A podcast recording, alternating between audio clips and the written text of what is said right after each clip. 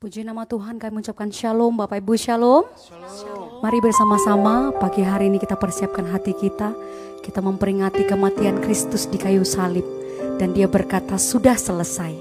Kita percaya segala permasalahan kita apa pun yang terjadi. Bahkan doa-doa kita kita percaya.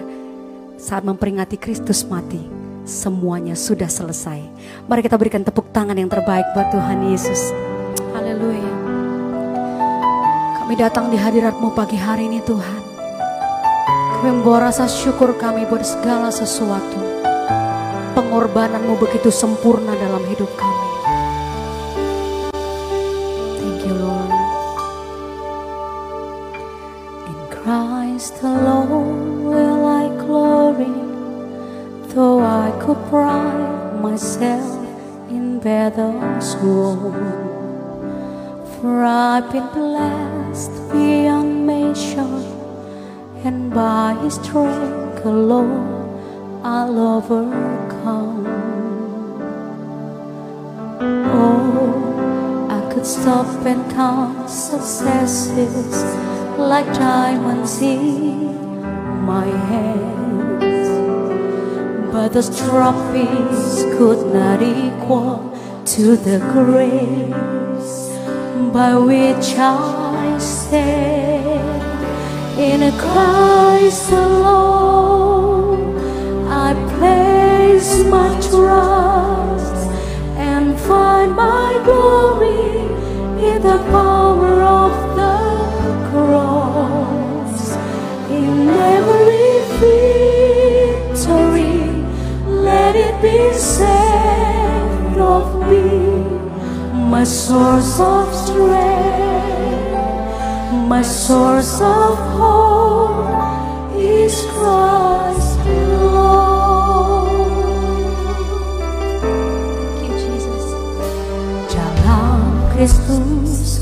Berikan kemuliaan atas kemenanganku. Sungguh ku terpesona kekuatan dan kuasamu. Oh tak dapat ku mengukurnya Namun semuanya Tak dapat melampaui anugerahmu. Yang ku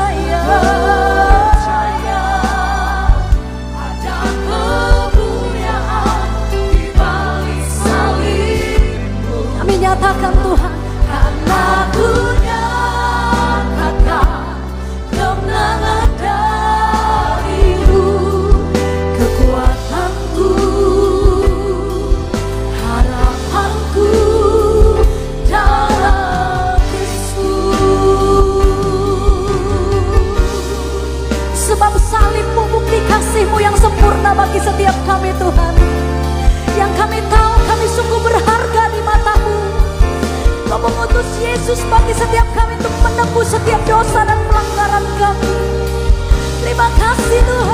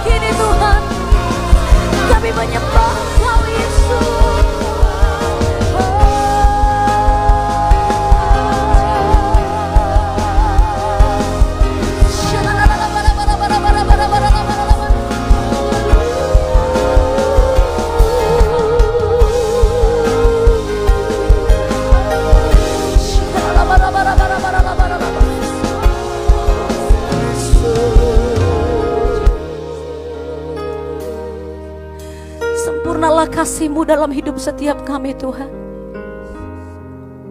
Akan selalu kami ingat karya salibmu, bukti kasihmu yang sempurna bagi kami. Bukti kami berharga di matamu Tuhan. Orang labaya kuasa Kuasamu mengalir saat kami menyembahmu Tuhan. Bersyukur bagimu. Orang labaya shikanalaba.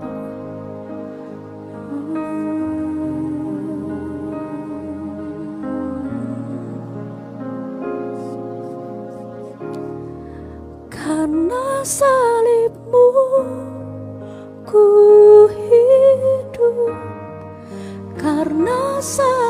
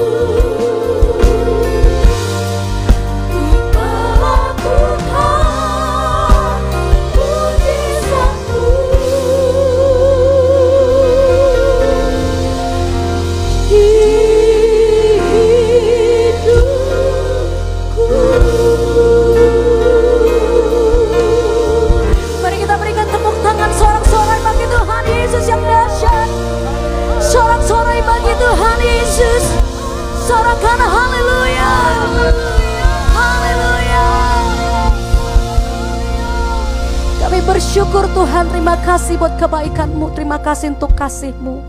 Di ucapan syukur kami bagimu kiranya Tuhan tetap tinggal bersama-sama dengan kami, bersama-sama dengan umatmu. Kau mengunjungi setiap mereka di mana pun mereka berada.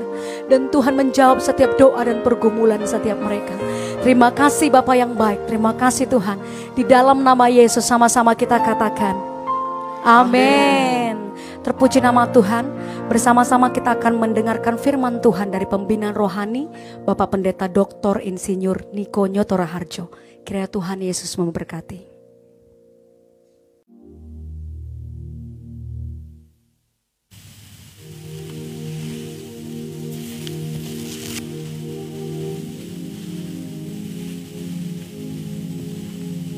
Shalom semuanya. Hari ini adalah Jumat Agung, di mana kita memperingati kematian Tuhan Yesus. Kita akan merenungkan kembali kasih Tuhan Yesus yang luar biasa yang diberikan kepada kita semua. Saya mau mengatakan sesuatu kepada saudara, bahwa apa pun yang kita alami hari-hari ini dalam pandemi COVID-19 dan krisis ekonomi, kita harus tahu bahwa Tuhan Yesus sangat-sangat mengasihi kita semua. Yang paling penting, kita harus mengerti bahwa kasih Tuhan Yesus kepada kita adalah supaya kita diselamatkan. Melalui segala peristiwa ini, kita harus ingat seperti yang terdapat dalam Roma 8 ayat 28 yang berkata, kita tahu sekarang bahwa Allah turut bekerja dalam segala sesuatu, baik enak maupun tidak enak, untuk mendatangkan kebaikan bagi mereka yang mengasihi Dia. Apakah saudara mengasihi Tuhan Yesus? Kalau saudara berkata ya, berarti ayat ini buat saudara dan juga buat saya.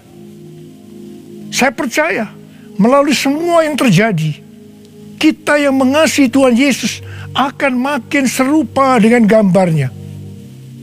Melalui semua yang terjadi juga, mereka yang selama ini tertidur, suam-suam kuku, mati rohani, akan dibangunkan kembali. Mereka akan bertobat dan minta ampun kepada Tuhan Yesus. Tuhan Yesus mengingatkan kita agar kita tidak hidup dalam ketakutan, kekhawatiran, kepanikan yang terus-menerus. Ingat bahwa hidup mati kita di tangan Tuhan bukan di tangan COVID-19, bukan di tangan krisis ekonomi. Hari-hari ini lebih banyak orang yang takut kepada hal-hal yang lain ketimbang takut kepada COVID-19 itu sendiri. Hal inilah yang dikendaki oleh iblis. Kalau hal ini berlarut-larut, maka akan lebih banyak orang yang meninggal karena ketakutan ketimbang meninggal karena COVID-19 itu sendiri. Karena itu, kita harus mengingat firman Tuhan yang berkata, dalam tinggal tenang dan percaya terletak kekuatanmu. Alkitab berkata, Yesus mati karena dosa-dosa kita. Dia dikuburkan, tetapi pada hari yang ketiga dia dibangkitkan. Alkitab berkata, semua orang telah berbuat dosa dan telah kehilangan kemuliaan Allah upah dosa ialah maut. Mati. Mati kekal selama-lamanya. Tempatnya di neraka. Neraka adalah tempat yang sangat mengerikan. Jangan sampai masuk neraka. Karena itu Tuhan Yesus datang ke dalam dunia ini untuk menyelamatkan kita semua. Bagaimana cara Tuhan Yesus menyelamatkan kita?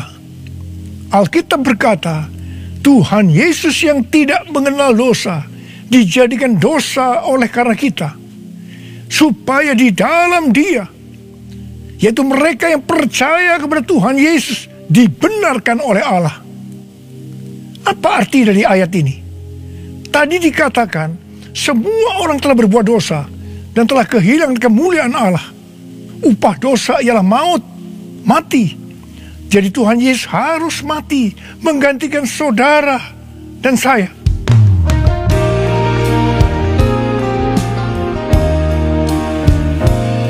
Kasih Allahku sungguh telah terbukti ketika dia serahkan anaknya kasih Allah mau berkorban bagi kau dan aku tak ada kasih seperti kasihnya. Bersyukur bersyukur bersyukur. Oh bersyukur karena kasih setiamu. Ku sembah ku sembah ku sembah dan ku sembah selama hidupku ku sembah kau Tuhan selama hidupku ku sembah kau Tuhan. Selama hidupku ku sembah kau Yesus. Kalau kita melihat cara mati Tuhan Yesus saya katakan sangat-sangat tidak manusiawi. Alkitab menuliskan ada 10 tahap penderitaan Tuhan Yesus dari Taman Getsemani sampai Golgota. Sangat mengerikan. Tahap yang pertama, ketika berada di Taman Getsemani, Tuhan Yesus berdoa kepada Bapa dalam keadaan ketakutan. Sampai peluhnya seperti tetes-tetes darah yang jatuh ke tanah. Pada saat itu seorang malaikat turun untuk menguatkan Tuhan Yesus. Tuhan Yesus berdoa kepada Bapa, Ya Bapakku, jikalau sekiranya mungkin, biarlah cawan ini lalu daripadaku. Tetapi jangan seperti yang ku kehendaki, melainkan seperti yang kau kehendaki. Di sini Tuhan Yesus mengajar kepada kita bahwa di dalam doa kita boleh menawar, tetapi jangan memaksakan kehendak. Bagi yang sekarang dalam ketakutan, kita harus ingat bahwa Tuhan Yesus pernah mengalami ketakutan untuk menebus dosa kita semua. Karena itu datanglah kepada Tuhan Yesus. Dia pasti mampu dan mau menolong kita semua. Tahap yang kedua, Tuhan Yesus ditangkap. Dia dituduh dengan bermacam-macam tuduhan. Diludai, mukanya ditinju, dipukul, tetapi Tuhan Yesus tidak membalas. Di sini Tuhan Yesus mempraktekkan apa yang diajarkannya kepada kita. Agar kita mengasihi dan berdoa bagi orang-orang yang membenci kita. Mengutuk kita. Mencaci maki kita.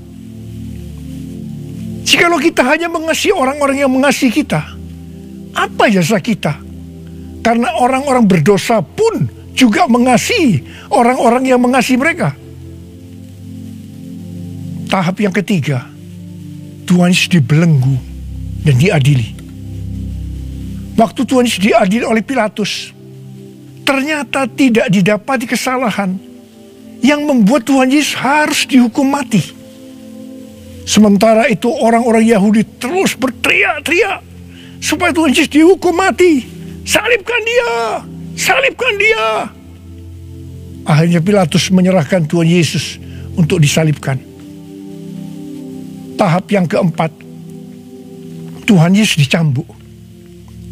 Proses awal dari penyalipan, jubah Tuhan Yesus dibuka dan dihukum cambuk. Dua algojo bergantian menghunjamkan cambuk ke punggung Tuhan Yesus. Ujung cambuk itu terbuat dari potongan tulang dan potongan besi. Tiap kali cambuk itu dihunjamkan ke punggung Tuhan Yesus, itu menimbulkan luka yang dalam. Tuhan Yesus berteriak-teriak kesakitan. Darah Tuhan Yesus bercucuran. Tuhan Yesus bermandikan darah. Tahap yang kelima, kepala Tuhan Yesus diberi mahkota duri. Duri ditancapkan di kepala Tuhan Yesus dengan cara dipukul. Sakitnya luar biasa. Darah bercucuran. Tahap yang keenam, Tuhan Yesus disuruh memikul salib. Dalam kesakitan, berlumuran darah, Ditambah semalaman Tuhan Yesus tidak tidur. Tuhan Yesus harus memikul salibnya. Tuhan Yesus jatuh bangun karena tidak kuat. Maka Simon dari Kirene disuruh menggantikannya. Tahap yang ketujuh, tangan dan kaki Tuhan Yesus dipaku. Sakitnya luar biasa, darah bercucuran. Tahap yang kedelapan, Tuhan Yesus digantung di atas kayu salib. Pada saat itu Tuhan Yesus menderita secara lahir maupun batin. Secara lahir dia merasakan sakit yang luar biasa di sekujur tubuhnya. Dan juga merasa sesak karena ada cairan yang menekan jantungnya. Secara batin Tuhan Yesus menderita.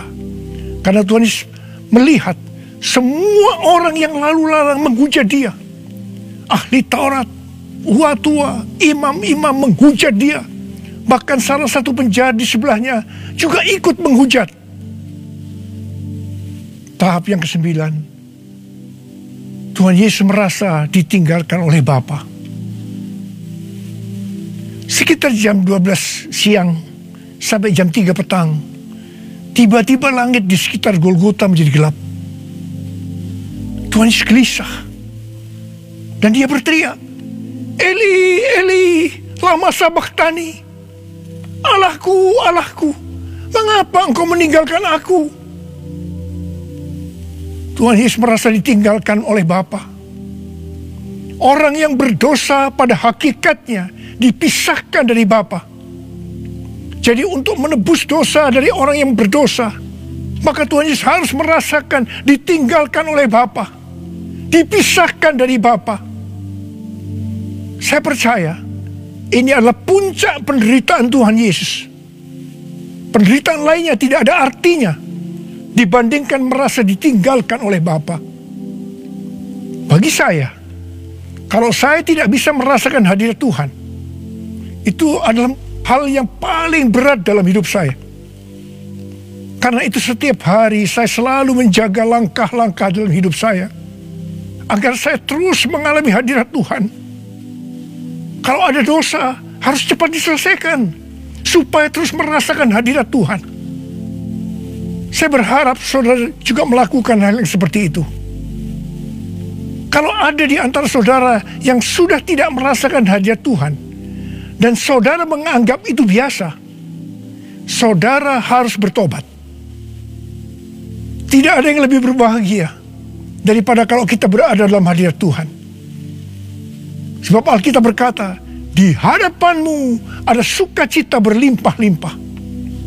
Artinya di dalam hadirat Tuhan ada sukacita dan kebahagiaan yang berlimpah-limpah. Tahap yang ke-10.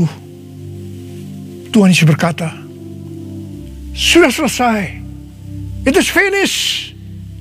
Ya Bapa, ke dalam tanganmu kuserahkan nyawaku lalu Tuhan Yesus mati. Pertanyaannya, mengapa Tuhan Yesus harus mati dengan cara demikian? Mengapa tidak dengan cara yang mudah? Dipenggal kepalanya, selesai. Mengapa Tuhan Yesus harus mati dengan bermandikan darah? Alkitab katakan, tanpa penumpahan darah, tidak ada pengampunan dosa untuk mengampuni dosa saudara, dosa saudara, dosa saudara, dan dosa saya. Tuhan Yesus harus mati dengan cara demikian. Selain itu, apalagi yang Alkitab katakan dengan cara mati Tuhan Yesus yang seperti itu? Yang pertama, penyakit kitalah yang ditanggungnya. Yang kedua, penderitaan kita yang dipikulnya dan oleh bilur-bilurnya kita disembuhkan.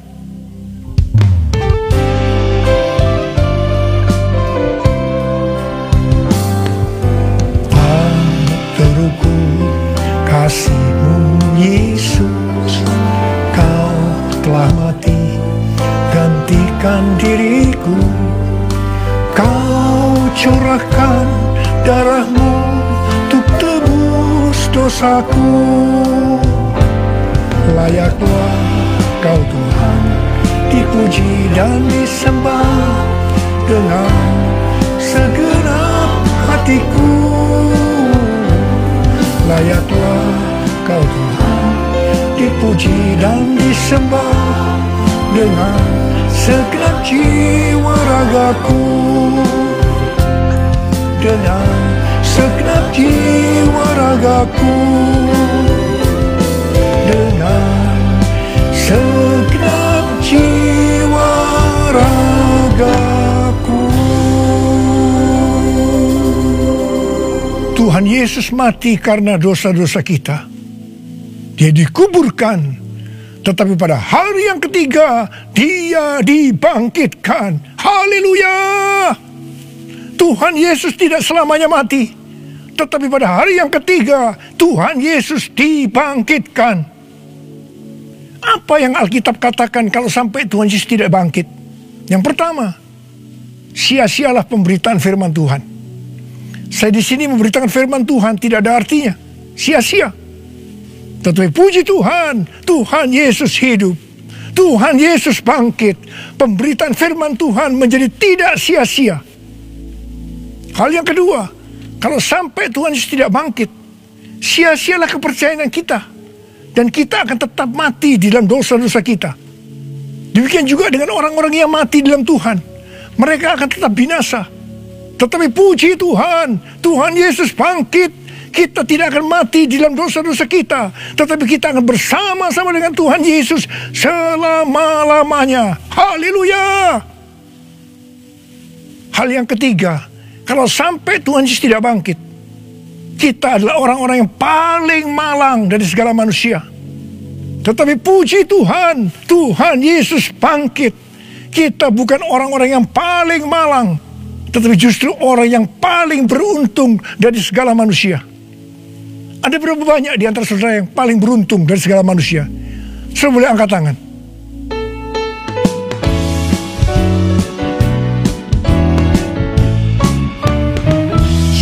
Dia hidup. Ada hari esok Sebab dia hidup.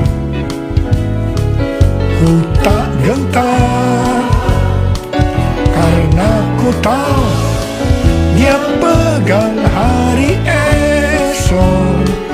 Hidup jadi berarti sebab dia hidup. Sebab dia hidup Ada hari esok Sebab dia hidup Ku tak gentar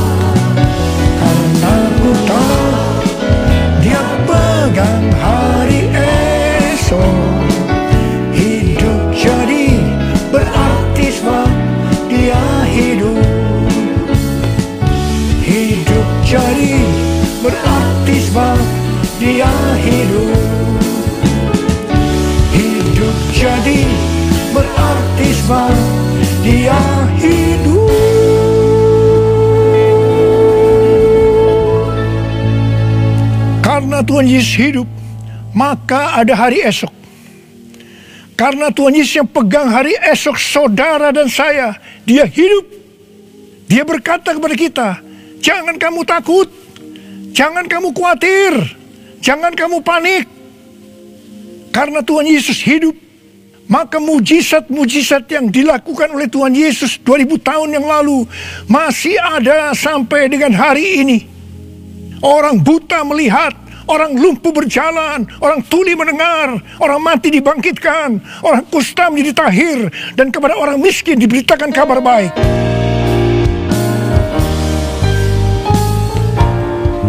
Yang lemah dikuatkan, yang miskin diperkaya, yang buta kan melihat, diperbuatnya bagiku yang lemah dikuatkan. Yang miskin diperkaya. Yang buta kan melihat. Diperbuatnya bagiku. Hosana, Hosana. Yesus mati bagiku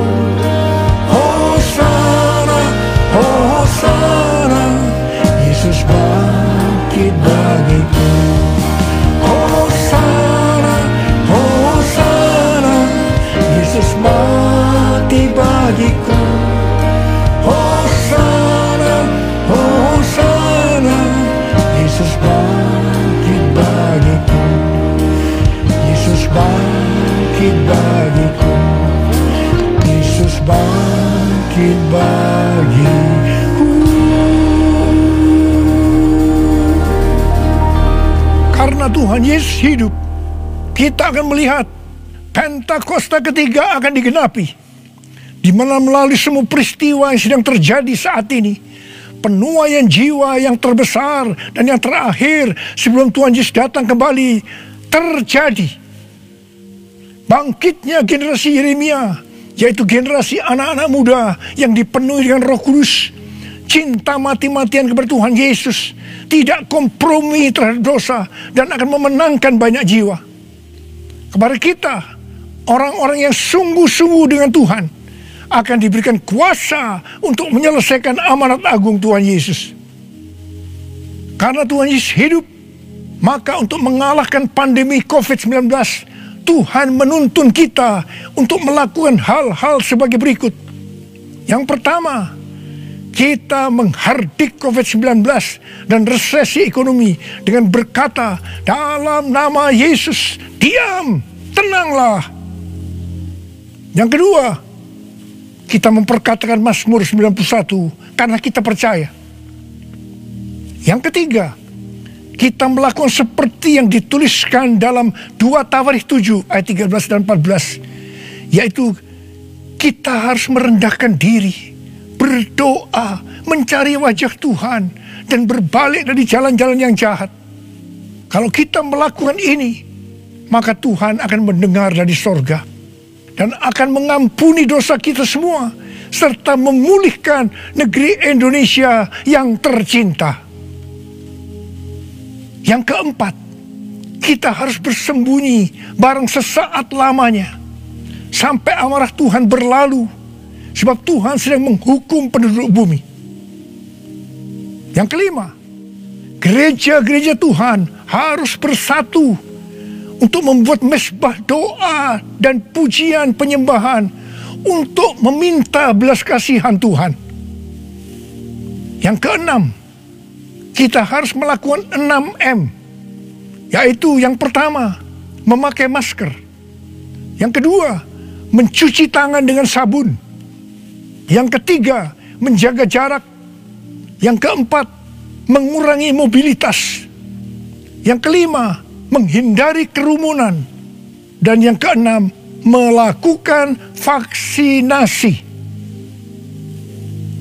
Karena Tuhan Yesus hidup, maka Tuhan Yesus memberikan tema untuk tahun 2021 sebagai tahun integritas. The year of integrity. Kita harus menjadi orang yang berintegritas. Panutan kita untuk menjadi orang yang berintegritas adalah Tuhan Yesus sendiri. Karena dia adalah the man of integrity. Kalau kita hidup sama seperti Kristus telah hidup, maka kita akan menjadi serupa dengan gambar Yesus, yaitu menjadi orang yang berintegritas. Kita harus ingat bahwa goal kita sebagai orang percaya adalah untuk menjadi serupa dengan gambar Yesus. Hanya orang yang menjadi serupa dengan gambarnya yang akan ikut dalam pengangkatan pada saat Tuhan Yesus datang kembali di awan-awan dan akan membawa kita masuk ke sorga.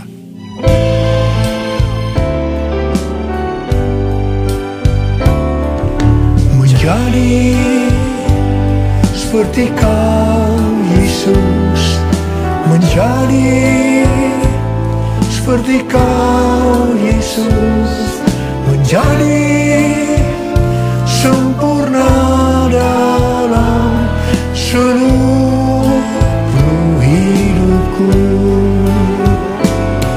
menjadi seperti kau Yesus. Menjadi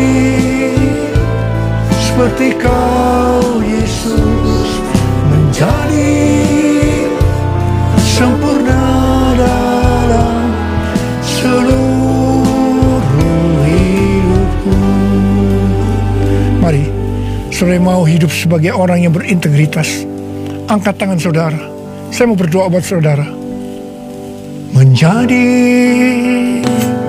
seperti kau Yesus. Menjadi seperti kau Yesus. Menjadi sempurna dalam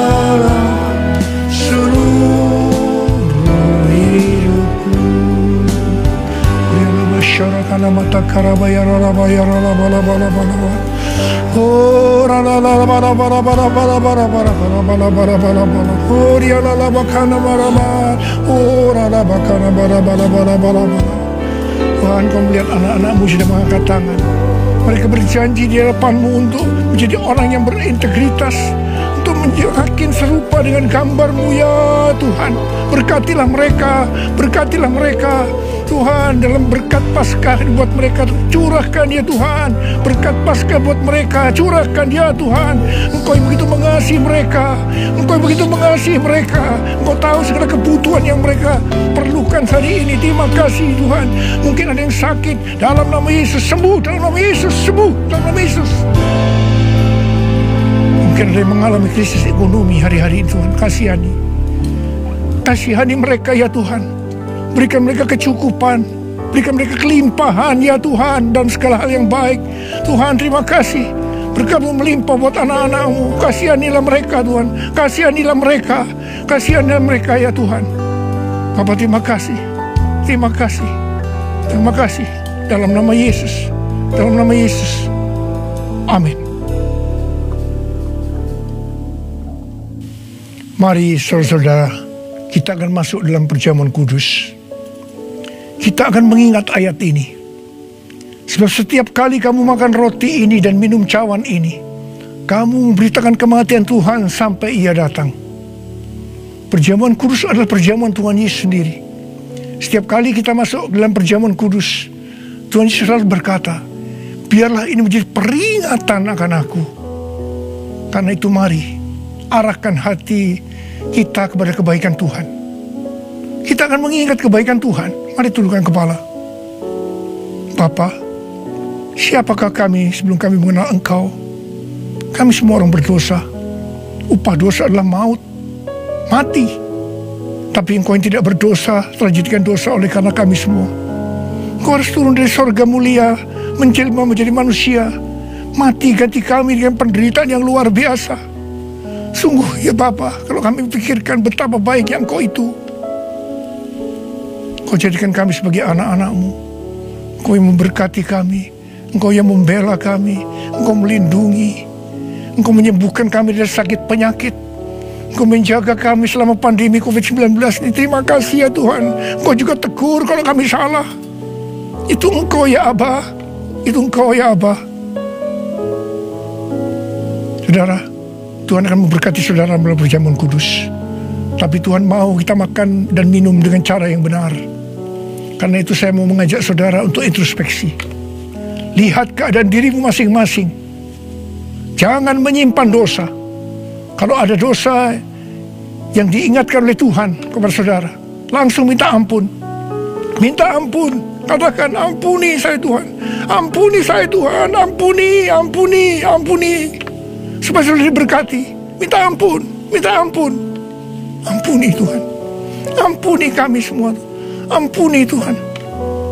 Hamba boleh memintakan juga ampun buat mereka. Ampuni juga hambamu. Terima kasih. Terima kasih ya apa. Terima kasih. Kami akan masuk dalam perjamuan kudus dengan hati yang penuh ucapan syukur dalam nama Yesus. Amin. Sekarang saudara, mari kita angkat roti di tangan kanan kita tinggi-tinggi. Sebab apa yang telah kuteruskan kepadamu telah aku terima dari Tuhan Yesus. Yaitu bahwa Tuhan Yesus pada malam waktu diserahkan mengambil roti. Dan sesudah itu ia mengucap syukur atasnya. Dia memecah-mecahkannya dan berkata, Inilah tubuhku yang diserahkan bagi kamu. Perbuatlah ini menjadi peringatan akan aku. Sudah dikasih Tuhan. Bukankah roti yang kita pecah-pecahkan ini adalah persekutuan kita dengan tubuh Kristus? Mari kita makan dalam nama Yesus.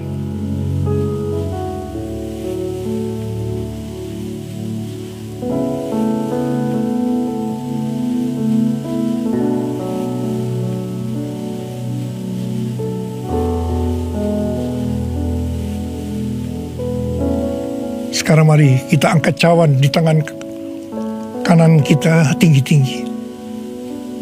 Demikian juga yang mengambil cawan sesudah makan lalu berkata, Cawan ini adalah perjanjian baru yang dimutrakan oleh darahku.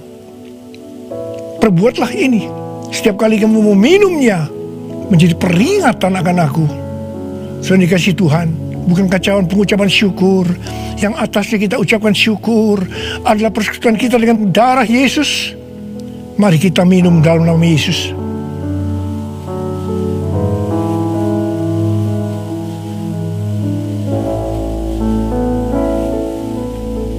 Angkat tangan saudara. Ucapkan syukur dengan suara. Jangan diam. Datang bersama-sama. Tuhan terima kasih ya Tuhan. Terima kasih ya Tuhan. Terima kasih. Terima kasih Tuhan. Terima kasih ya Tuhan. Terima kasih. Oh engkau baik Tuhan. Sebab engkau baik. Bahwasanya untuk selama-lamanya kasih setiamu.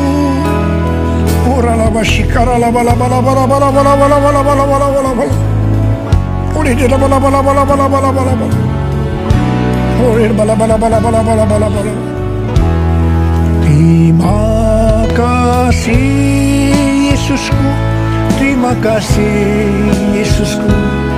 Puji syukur hanya bagi Tuhanku Terima kasih Yesusku Terima kasih Yesusku. Puji syukur hanya bagi Tuhanku. Terima kasih Yesusku. Terima kasih Yesusku. Puji syukur hanya bagi Tuhanku. Terima kasih Yesusku kasih Yesusku. Puji syukur hanya bagi Tuhanku. Puji syukur hanya bagi Tuhanku.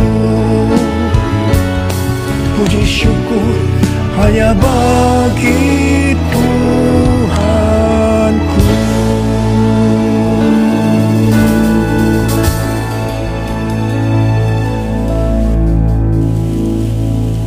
Sekarang terimalah berkat Tuhan. Kasih karunia yang berlimpah-limpah daripada Allah Bapa dalam anak yang tunggal Yesus Kristus. Persekutuan yang manis dengan roh kudus menyertai saudara sekalian mulai hari ini.